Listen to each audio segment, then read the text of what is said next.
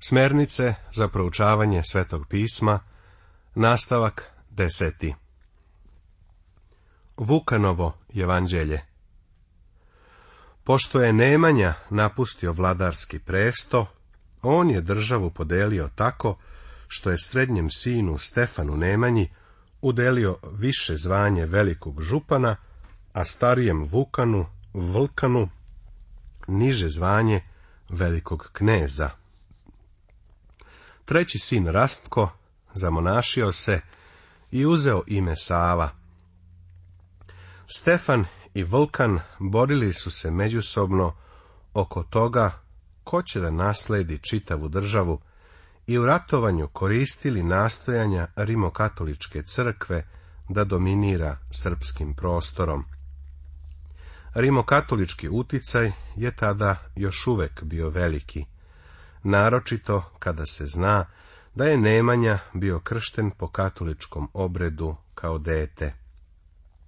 Ponovo se krstio po pravoslavnom obredu kada je imao 30 godina. Papa Inokentije III. bio je Vukanov rođak preko žene.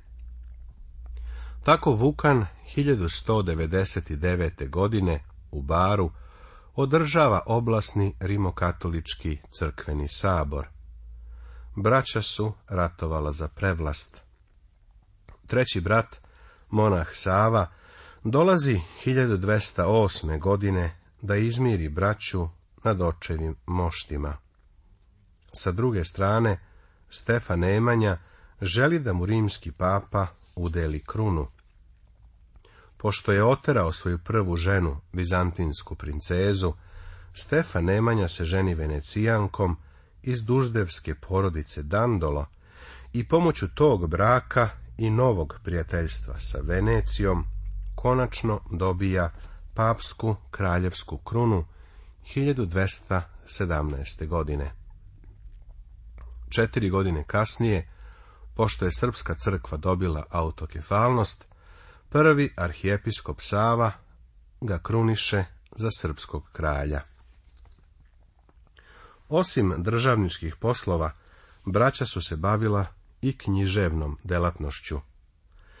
Prema tekstovima i književnoj kulturi Stefana Prvovenčanog može da se zaključi da je veoma dobro poznavao sveto pismo, a naročito tekstove careva Davida i Solomona, mada je dobro poznavao i evanđeliste. U razmatranju značaja koje je sveto pismo imalo na srpsku književnost i umetnost, možemo da obratimo pažnju na takozvano minijaturno slikarstvo u srpskim knjigama. Najlepša zaglavlja sa motivom raja sačuvana su na poznatom srpskom evanđelju iz Britanskog muzeja, za koje se veruje da je nastalo 1354. godine. U njemu se nalaze nacrtane skoro sve pojedinosti koje Stefan Prvovenčani navodi u svojim tekstualnim opisima zemaljskog raja, drveće, ptice, lišće i cveće. Ove pojedinosti pojavljuju se na zaglavljima srpskog londonskog evanđelja na početku evanđelja po Marku, a zatim i na početku Luke. Istorija je zapamtila i ime umetnika, autora ovih minijatura, Rasoder Kalist.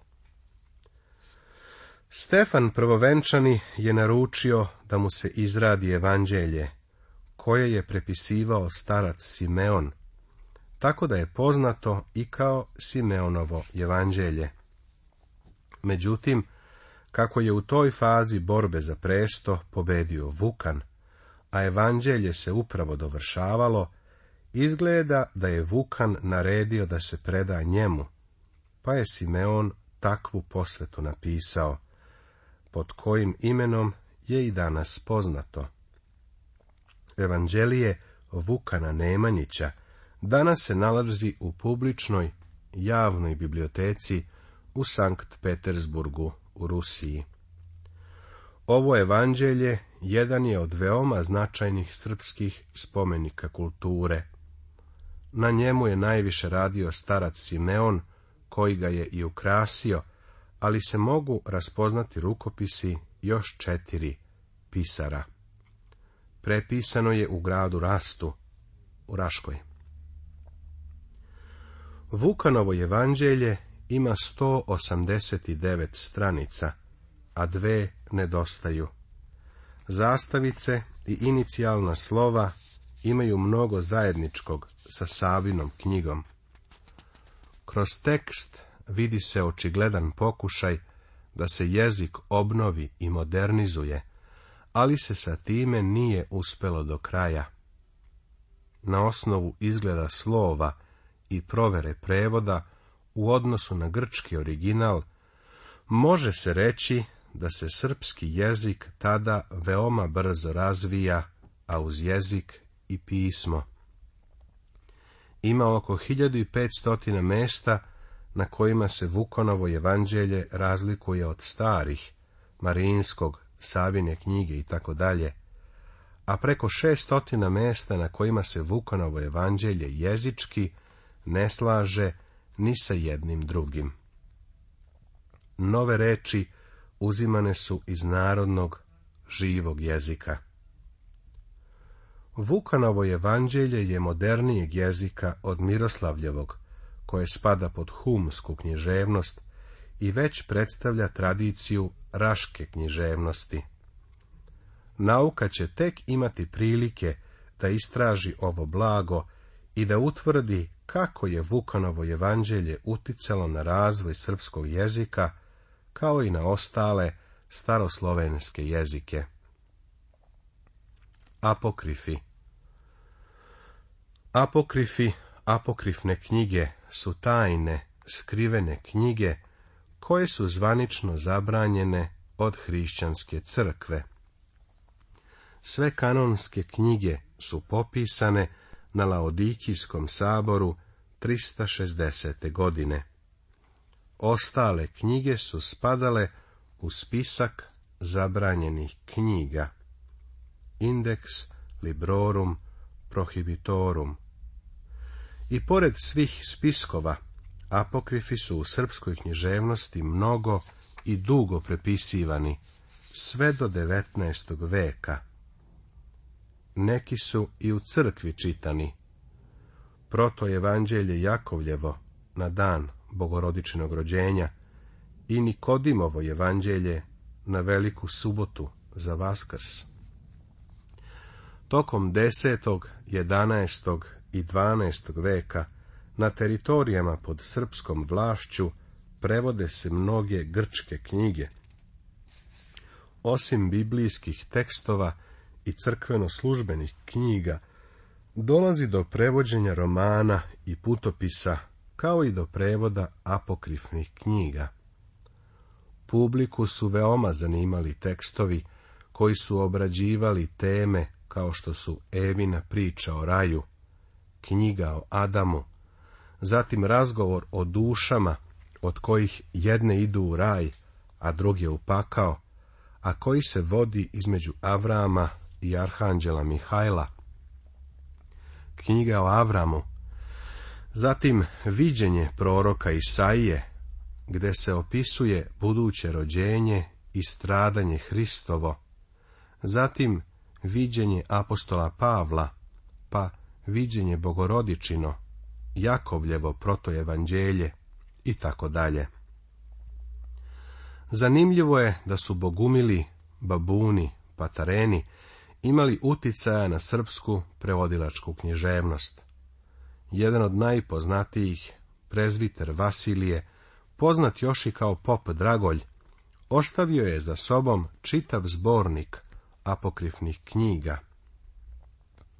Bogumili su se bunili protiv crkvene jerarhije i protiv nasilja, a u ime evanđelskog ravenstva, odnosno jednakosti. Prema njihovoj nauci svi su ljudi, braća, a među braćom ne može da bude sirotinje. Među njima vlada jednakost, bratstvo i sloboda. Muškarci i žene su bili ravnopravni. Krstili su se molitvom, postom i polaganjem na glavu Jovanovog evanđelja. Postoje dokumenti prema kojima su mnogi od njih znali čitavo evanđelje na pamet ovu zemlju su smatrali za đavolsku, pa su zato oklevali da imaju decu, a verovali su da je pravi život tek na onom svetu. Bogumili su odbacivali stari zavet, osim psalama, i nisu prihvatali Mojsija i ostale proroke. Pored izučavanja kanonskih knjiga, bogumili su izučavali i prevodili apokrifne crkvene knjige, koje su u desetom, 11. i 12. veku bili u najvećem poštovanju, pa ih i prevodili na ondašnji srpski književni jezik. O nastanku i sudbini Bogumila na našim prostorima mnogo je pisano, ali se još uvek malo zna. Međutim, vredi zabeležiti jedno viđanje doktora Luja Bakotića, jugoslovenskog diplomate u Vatikanu, pisca i jednog od prevodilaca Svetoga pisma u 20. veku, koji u svojoj knjizi Srbi u Dalmaciji, objavljenoj 1938. godine, kaže Kao što je poznato, u Bosni i Hercegovini pređoše u muslimansku veru većinom raniji bogumili, koji nisu bili ništa drugo do pravoslavni protestanti, koji su iz pravoslavlja prešli bogumilstvu. Kako se država Stefana Nemanje razračunavala sa bogumilima, oni su proganjani, ubijani, imanja su im oduzimana i poklanjena crkvi, a knjige su spaljivane. Tako su apokrifne knjige uglavnom brzo bile uništene. Izbjegavši progone u Bugarskoj i Srbiji, bogumili su utočište našli u tadašnjoj Bosni, u kojoj je vladar Ban Kulin također bio bogumil. U sinodiku pravoslavlja boguni, bogumili se proklinju. Zli eretici, trikleti babuni, koji se lažno nazivaju hrišćanima i koji se rugaju našoj pravoj veri, izostavljajući iz svetih knjiga reči i preokrećući na zloverje, i koji se otkidaju od svete i pravoslavne crkve, i koji se rugaju svetome i časnome krstu, i koji se rugaju svetim ikonama i ne klanjaju im se da budu prokleti. U našoj književnosti pojavljivale su se sljedeće apokrifne knjige. Apokaliptične knjige, knjiga Enohova iz drugog veka pre Hrista, kod nas mlađa verzija iz prvog veka sa hrišćanskim dodacima poznatija i kao slovenski Enoh. Knjiga Varuhova iz drugog veka, prevod sa grčkog, knjiga Avramova iz prvog veka, legende navele. Legenda o Adamu iz prvog veka, od koje je postojala kraća i duža verzija. Zatim mučeništvo Jeremijino, jevrijska knjiga sa hrišćanskim dodacima i onda viđenje Isaino iz trećeg veka pre Hrista sa grčkog jezika. A od novozavetnih apokrifa bile su poznate sljedeće knjige prvo protoevanđelje Jakovljevo iz drugog veka, evanđelje mladenstva o Isusovoj mladosti, evanđelje Nikodimovo, legenda o Avgaru iz trećeg veka, apokrifna dela, viđenje svetog Pavla, viđenje bogorodičino, drugi dolazak Hristov i tako dalje. Sveti Sava je u kanonu, o pravilu, odnosno krmčiji, naveo Atanasijev popis kanonskih knjiga i druge popise, kako bi sprečio upotrebu apokrifnih rukopisa. Krmčijom su položeni temelji crkveno-zakonske organizacije svojine, ličnih prava i uređenja života u manastirima u Srbiji toga doba. Sveti Sava je osnivač onih intimnih odnosa između pravoslavne crkve i nemanjičke države, koji su se održali sve do kraja nacionalne samostalnosti, pa su produženi i posle ovoga u odanosti crkve nacionalnim idealima i u identifikovanju srpstva sa pravoslavljem, koje počinje tako još sa Savom. Zaključuje Đoko Slijepčević u svojoj knjizi Istorija Srpske pravoslavne crkve, deo prvi. Ovo je znači sedam osnovnih smernica koje treba da slediš kada uzmeš u ruke Božju reč. Pod jedan – Počni sa molitvom. Pod 2. Čitaj Bibliju. Čitaj Sveto pismo. Pod 3. Proučavaj Sveto pismo. Pod četiri. Razmišljaj o Svetom pismu. Pod pet Čitaj šta su drugi napisali o Svetom pismu. Pod šest. Budi poslušan Svetom pismu i pod sedam prenesi sveto pismo i drugima. Sa ovom desetom porukom završavamo uvodna razmatranja o tome kako treba proučavati sveto pismo. Od ponedeljka započinjemo sa prvom knjigu Mojsijevom, knjigom postanja.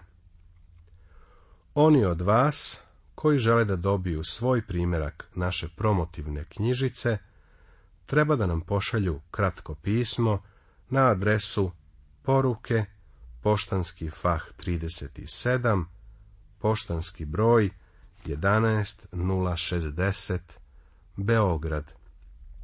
I da ponovim, poruke poštanski fah 37, poštanski broj 11060, 060 Beograd. Poštovani slušaoci, prijatno i laku noć.